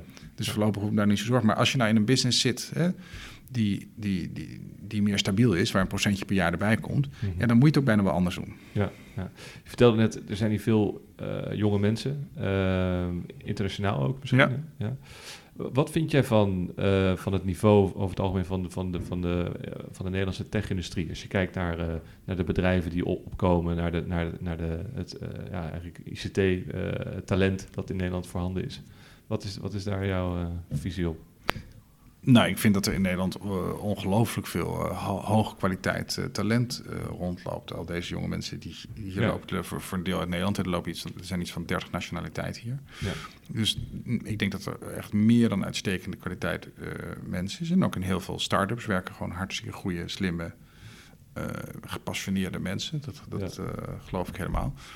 Um, ik geloof wat het af en toe wel eens onderscheid is, is in dat doorzetten, zeg maar. Hoe graag wil je dat? Ja. Hey, um, um, jij, jij, vertelde mij een voorbeeld uh, over, over Kees Code, die vertelde over topsport. Hè? Ja. En dat het een beetje als topsport is. Zo zie ik het zelf ook een beetje. Ja. En uh, uh, Kees schijnt dan twee uur per nacht te slapen, begrijp ik. Nou, dat doe ik dan niet. Maar, ik geloof maar, het nog steeds niet, Kees, als je luistert. Nee, nee, nee. maar, het schijnt echt zo te zijn. Maar ik, ik zie het ook, het is ook gewoon topsport. Het is ja, absoluut topsport. Dus, nou, en, in topsport is het ook, is het ook zo. Ja, een deel is, is skills en techniek en, en vaardigheden en dingen die, die waar je goed bij. Maar deel is ook gewoon mentaliteit en doorzettingsvermogen. En, en, en daar soms in Nederland, dat punt, is misschien niet altijd ons sterkste punt. Sommige mensen natuurlijk wel. Het is niet om... Denken er te makkelijk over misschien. Ja, we zijn natuurlijk te luxe opgevoed. We hoeven het minder hard. Als je in, uit een samenleving of in een positie komt waarbij je echt aan het opklimmen bent om het volgende niveau van welvaart te bereiken, ja, dan wil je knetterhard. Waar, waar, komt, waar komt dat, die drive bij jou vandaan? Ja, dat is een goede vraag. Want eh, hiervoor waren we bij uh, Ali Nikdam, ja. oprichter van Bunk. Hij vertelde, ja, Nederlanders... Ja, hij, hij, hij, zegt, ik kom uit Gouda, ik, ik, kom uit van de kaas, kaas, uh, kaas en kaarsen in, uh, in Gouda. Ik ben ook hartstikke Nederlander, maar zijn ouders zijn, komen uit Iran. Ja. Hij zegt, als je gaat kijken naar grote bijvoorbeeld Amerikaanse techbedrijven ook. Het zijn allemaal, allemaal migranten die die bedrijven hebben opgericht. Zij voelden de pijn, zeg maar, zij hadden de noodzaak, ze hadden al die stap genomen. Dat is het punt. Uh, en de, de doorsnee Amerikaan of Nederlander heeft het te goed. Klopt ook. Uh, had, je, had, jij het, had, jij het, niet goed? Nee, ik had het heel goed. Het ik had het heel goed, maar, maar kijk, Ali is een mooi voorbeeld. Ali's ouders ja. voldoen aan die beschrijving, maar hij had het prima. Ja. Nou, uh, bij mij ook. Mijn vader was wel ondernemer ook. Dus misschien dat ik daar een beetje uh, mm-hmm. die, die drive in ging. Maar het is ook, het een sluit het ander niet uit. Hè. Er zijn in Nederland ook fantastische topsporters. Die niet allemaal uit een, uit, een, uit een hele penibele situatie komen. Nee. Je moet, ergens moet dat vuurtje aangaan, het motortje aangaan. Je moet er zin in hebben. En, en dat, dat is ook een vliegwiel. Hè? In de sport zie je dat ook vaak. Als je het op een gegeven moment gaat kunnen, vind je het ook leuker om het te doen. Ga je meer trainen. Als je meer gaat trainen, leer je meer en word je steeds beter. Op een gegeven moment moet dat vliegwiel een keertje aangaan. Wat, wat was het punt dat bij jou dat, dat vuurtje aanging? Wanneer dacht je echt van dit is gaaf? Um, ik denk een beetje aan het einde van mijn uh, middelbare schooltijd. Ja? Ja. Toen, uh, toen, uh, ik heb eerst een hele, hele onstuimige middelbare schooltijd gehad... waarbij ik eindeloos blijven zitten en van scholen af en al dat soort dingen meer. En op een zeker moment, met, en toen was ik 18 of zo, denk ik al... en toen dacht ik, nou is het eigenlijk wel mooi geweest. En toen dat heb ik me nooit zo, dit bedenk ik nu. Hè, dus dat achteraf. Ging, ja, achteraf natuurlijk. Maar toen dacht ik, daar heb ik nog steeds heel veel plezier gemaakt. Maar toen had ik wel heel veel zin in om er iets van te maken in allerlei opzichten. En dat, dat, dat is niet altijd ondernemen geweest. Dat is niet altijd een bedrijf geweest. Maar wel projecten of dingen doen. En die, die energie, die heb ik denk ik nog steeds. En het is, die, en het is, het is ook heel leuk om voor die energie een plek te vinden. Ik heb ook geleerd bijvoorbeeld, hè, wat ik, waar ik minder goed uit de voeten kan. Bijvoorbeeld in die periode nadat we uh, Fredtop hadden verkocht. Ja. Toen hebben Frederik en ik een tijdje lang het idee gehad, nou, we gaan wat investeren. Oh ja. dat leek ons eigenlijk wel logisch, want ja, we hadden één bedrijf gehad en dan weer helemaal opnieuw te beginnen. Laten we nou kijken of we een bedrijf kunnen kopen en dat dan weer verder brengen. Ja. Dat maakt uh, intellectueel heel veel sens. Ja. En dus we hebben daar, ik weet niet meer, een jaar lang allerlei bedrijven bekeken, bezocht, bekeken en gedacht en getwijfeld of we dat nou wel of niet moesten kopen. Dat is in feite een investeerdersproces. En in dat proces heb ik eigenlijk geleerd dat ik dat stuk niet leuk vind. Ook al of niet goed in ben. Of, of, of, ik vind het veel leuker om iets te creëren, zeg maar. Want het is ook pila aan een probleem. Nee, niet zo, want dat is heel, heel ja, ja. misschien maar heel abstract. Je doet nooit wat, je bent alleen maar aan het bekijken. van afstandje. Ja, je bent een soort bestudeerder, wetenschapper. Ja, je, denkt, ja, je bent eigenlijk niet aan het sluiten. En je vindt er wat van. En, en, en, en, en, dus eh, daar werd ik gaandeweg ongelukkig van. geven, in plaats van dat je zelf wat... Ja, en, en, en 9 van de 10 dingen doe je nooit, hè? Als investeerder. Je kijkt naar tien dingen en dan, misschien nog wel meer en dan doe je er één. Ja, ja, dus dat, dat, dat, dat ben jij niet. Je bent dat, ik wil hands-on. Ik moet toch op een gegeven moment, ik wil liever in de schuur staan. En zitten ze, vroeger, toen ik 16 was, zat ik alleen met de sleutel aan mijn brommer. Ik zeg maar wat, iets heel anders. Ja, nou, maar dat vond ik ook leuk. Ja, maar was, ik ben dan toch een beetje op zoek naar die, uh, die, die waarom ben jij dat ondernemer eh, gaan doen? Dat is dan denk ik op school, dat vond je gewoon niet, dat leren, dat was denk ik niks voor jou. Nee. Uh, want anders dan ja. had je nu op de universiteit gewerkt of zo. Ja. dus, dus, maar je wilde wel de wereld laten zien, maar ik kan wel wat. En dat is, ja, zeker. Dat is iets heel anders dan in de boeken zitten op school, ja. rijtjes leren. Dat is namelijk iets van, van niets iets maken. Ja, Nee, zeker. Is dat, dat is het, dat is het zeker. En ik, wilde in de, ik wil in de arena staan. Hè. Ik vind ook het grootste geluk wat ons gegund is, dus dat we op dit niveau mogen ondernemen. Dat dit idee goed genoeg is om het op dit niveau te kunnen doen. Terwijl ik het net zo leuk vind, hè, ook hartstikke leuk vind, om met z'n vieren een bedrijf te runnen. Ik, ben, ik geloof helemaal niet dat een groter bedrijf leuker is dan een kleiner bedrijf of andersom. Hm. maar ik, nee, dat blijkt. Dat, dat, dat, gevoel heb ik helemaal niet. Maar ik vind het wel gaaf wat, wat dat Picnic ons in staat stelt omdat het internationaal is, omdat het allerlei dimensies heeft, om, om, om, het is uitdagender, zeg maar. Het is, mhm. het is, het, het, is zeg maar Champions League, terwijl uh, zondag amateurs voetbal kan ook superleuk zijn. Vind ik ook heel leuk. Hè? Maar de, de, de, en er zitten ook allemaal nadelen aan. Want als je het op de Champions League niveau doet, heeft het ook allemaal beperkingen. Ja, ja. Want het kan dingen niet. Het is heel dominerend. Het is alleen maar dit, niks anders, et cetera. Maar het heeft ook weer die uitdaging, die kick van... Nou, kijken of, of, of, of, of dat ook kan. Ja, ja. En je ziet dat, dat de wereld in dat opzicht wel, wel veranderd is. Want jij zegt, ik ging gewoon bij een bedrijf werken. Dat was toen het... Ja, het, absoluut. Niemand van mijn vrienden ging ondernemen. Nee, nee. Toen van de universiteit kwam. Nee, nee, en dat is nu helemaal anders. Ja, dus, totaal. dus als we kijken naar hoe heeft de Nederlandse uh, techscene zich ontwikkeld... Uh, die, is vele malen groter geworden. Ja. En dus heel veel, eigenlijk mensen die normaal gesproken vroeger nooit iets met tech zouden gaan doen die gaan er nu, ja. die stromen er nu in. Ja, gelukkig maar. Ja, ja dus dat, dat zie je. Eigenlijk internet of tech, zoals we het noemen, is, is veel meer mainstream geworden. Ja. ja, ja. En ook de toepassingen zijn enorm veel uitgebreid. Ja. Weet je, en fantastische toepassingen die... die ik, ik kwam vorige week iemand tegen van een uh, Engels bedrijf, uh, die, uh, dat heet Babylon. En die hebben een digitale huisarts gemaakt. Ja, ja, ja. Eigenlijk een heel simpel idee. Het slaat enorm aan. Hè? Dus, ja. dus, dus, jij kunt in een app gewoon je huisarts je krijgt hem op video. En je vertelt wat je zorg is en hij of zij doet iets. Ja, ja.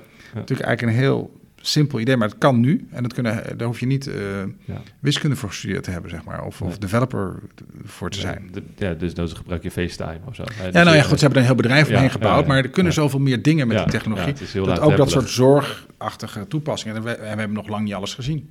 Nee, dat, dat, is, dat is mooi natuurlijk. Ja, waanzinnig. Dat, dat we denken dat we dat eigenlijk, uh, als je nu gaat nadenken, alles is er al. Nee, we hebben de makkelijkste dingen alleen maar gedaan. We zijn pas net begonnen. We zijn pas net begonnen. Ja, Echt pas net begonnen. we hebben ook, maar als je erover terugkijkt, hebben we natuurlijk ook hele relatief, uh, niet, want ik was zat er middenin, dus niet uh, om op die manier op terug te gaan, maar we hebben relatief makkelijke dingen gedaan. Ja. Hè, wat, wat we op e-commerce hebben gedaan, we hebben gewoon de infrastructuur van de post gebruikt namelijk de pakketbezorgers. Of, mm. FedEx, UPS. Hè. We hebben helemaal niks zelf gemaakt. We hebben een, een, een, warehouse opgezet. Nou, dat is gewoon een warehouse zoals die al uh, lang bestond. Dus we hebben eigenlijk alleen een website gemaakt. Ja.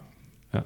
Ja. En nu zul je zien dat, dat, er, dat er een hele nieuwe infrastructuur komt... die daar juist voor geschikt is, et cetera. En, nou, maar ook in de medische zorg ja. of in de banken. We gaan niet meer een appje voor een bank maken... maar Ali maakt gewoon een nieuwe bank.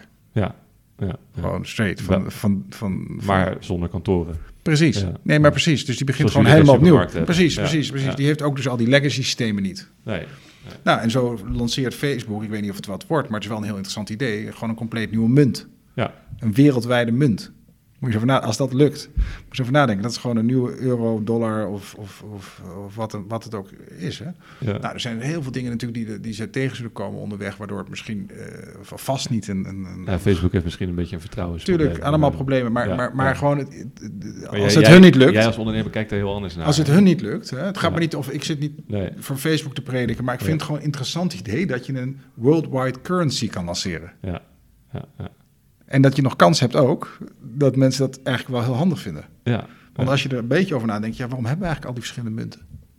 Ja, voor, voor internet uh, slaat het eigenlijk nergens op. Hè. Dus nee. Het is, het is uh, natuurlijk... en er zitten allemaal problemen aan van. Ik probeer die problemen niet te bagatelliseren. Economie, economieën zitten vast aan die munt. Dus Tuurlijk, ik begrijp, er zijn ja, allemaal uit. Maar ja. als je nooit een keer begint, als niet iemand nee, een keer de steen dat, in de vijver gooit... en precies, dat, wat jij zegt, want ja, we, we, denken de hele tijd in het oude systeem. Ja. Terwijl als je nu de wereld opnieuw zou uitvinden op een papiertje, ja. zou je dan één munt maken? Nou, zou, je, zou je überhaupt nog munten maken? Überhaupt ja. fysiek? Ja. Zie je, dat is al een aanname voor mij, dat er munten moeten zijn. Ja, ja. Dus nee, nee, precies. Maar dat is, dat is en, en is het niet een geweldige tijd dat we nou al dat soort dingen een beetje nu mogen bedenken en hoe dat, dat uh, hoe dat anders kan. En je ziet dat, vind ik, daar in Azië ook heel sterk. Hè? Die natuurlijk van een hele andere uh, ontwikkelniveau komen dan, dan, ja. dan wij. Maar als ja. je naar China kijkt, joh, dat gaat zo onvoorstelbaar hard. Maar die slaan natuurlijk heel veel fases ja, over. Want die denken inderdaad... Ik was in China en ik heb letterlijk geen fysiek geld in mijn handen gehad. Nee, nee. nee ze weten niet hoe, hoe dat eruit ziet meer, denk ik. Nee, nee, dus, dat is ongelooflijk, toch? mobieltje. Ja. ja. Ja, straks geen mobieltje meer, maar gewoon ja. met je ogen waarschijnlijk. Of, maar ook uh, soms dingen waarvan je denkt van, hoe is het mogelijk dat het wordt? Je hebt daar bijvoorbeeld heel populair dat je daar dus, uh, heb je van die kanalen waar iedereen zichzelf kan airen, zeg maar gewoon video van zichzelf maken, maar ook van niks. Gewoon van zitten op de bank of spelletje doen, of echt totaal dat je denkt, wie wil hier nou naar kijken? Dat hebben wij toch ook? Die mensen heten toch vloggers? Of, uh, ja, maar, de, maar daar zijn het alleen uh, nog honderdduizend keer zoveel, zeg maar. En, en, en, onze vloggers doen nog een beetje hun best. Ja, ja, ja, ja. Dus, dus als, als ik nu... Uh, um, we zitten ruim een uur te praten, dus we gaan afronden hoor. Maar um, dus als ik nu een jong ondernemer ben, dan in ieder geval... Doen. Gewoon doen. Er zijn, nog, er zijn nog genoeg kansen. Ja, dus overal. Er is wemelt van de kansen. Er is het nog, wemelt. Dat, uh, vaak is het en ook klein, hè? Oh, heeft, je hoeft helemaal niet een picknick achter, of nou, je hoeft helemaal geen groot idee te hebben. Ja. Gewoon kleine, simpele dingen. Als je gewoon de beste slager van de buurt wordt, of het leukste café, of de beste chauffeur, of nou ja, noem maar wat op. Leukste sportschool. Mm -hmm. Of, uh, nou ja, en, en, en, er zijn nog talloze andere ideeën. Ja, ja. Dan kan je toch ongelooflijk aan het komen. En, en de technologie, die internettechnologie, stelt je in staat om ook als je de de beste bakker uit jouw buurt bent, dat je wereldberoemd kunt worden. Ja. Je hoeft niet alleen maar in jouw buurt meer te zitten. Het is een hulpmiddel, hulpmiddeltechnologie. Ja. Veel mensen willen nu de tech zien in als doel. Ja. Uh, maar je moet eigenlijk bedenken welk probleem kan ik oplossen. Nou, wat vind ik leuk om te creëren? Of al blijf je maar bij je eigen passie. Want ik denk bijna in ieder beroep kan je iets verzinnen. Dat is overigens wat Kees Kolen ook zei. Doe gewoon inderdaad wel wat je leuk vindt. Als je gaat ondernemen in een gebied wat je niet zo leuk vindt, dan ga je die uren er ook niet in stoppen en dan wordt het niks. Nee, wordt het, dus, uh, dus uh, en, en ja, maar wat nou als je ondernemen gewoon heel leuk vindt? Want volgens mij is dat bij jou het geval. Je vindt het ondernemen wel leuk. Ja. Dat kan eigenlijk overal in zijn. dat klopt ook. Dat had ook botsautootjes kunnen zijn. Zeker. Toch? Zeker. Helemaal eens. Het zijn nu spullen uit de supermarkt. Maar, ja, maar ik heb dus geleerd dat ondernemen creëren, dat ik dat proces leuk vind. Dus ik, ik, ik zal niet snel investeerder worden. Nee. Want dat proces is niet wat mij heel erg aanspreekt. Ja. Maar uh, ik kan nog allerlei andere dingen bedenken die ik, die ik, zou doen. Maar ik vind het ook geweldig om in deze context dit uh, verder te brengen, zeg maar. En omdat daar zoveel uitdaging in zit. Ja. Geloof je in geboren ondernemerschap? Dat je dus sommige mensen het gewoon niet in zich hebben, die kunnen veel beter. Nou, ik geloof dat het niet geboren is, maar ik geloof wel dat je, je moet wel een bepaalde drive hebben, anders dan en je moet ook tegen risico kunnen. Ik, ik heb heel goed geleerd ook van mensen die. En daar, daar, heb, daar heb ik ook helemaal geen oordeel over. Hè, want het is niet zo dat, dat ik dat betere mensen vind die risico nemen. Maar je hebt gewoon mensen die uh, hele andere uh, sterktes hebben. Mensen zijn risico-avers. Dat ze, nou ja, die, uh, maar die bijvoorbeeld wel weer andere dingen heel erg goed kunnen. Alleen die vinden het prettiger om planmatig te werken. Als je niet tegen ja. onzekerheid kan, ja. dan moet je hier niet aan beginnen. Moet je niet gaan ondernemen? Nee. Oké. Okay. Joris, dankjewel voor dit gesprek. Dit uh, was weer een podcast voor Elsevier Weekblad. Mijn naam is Sylvaas van der Laan. Bedankt voor het luisteren.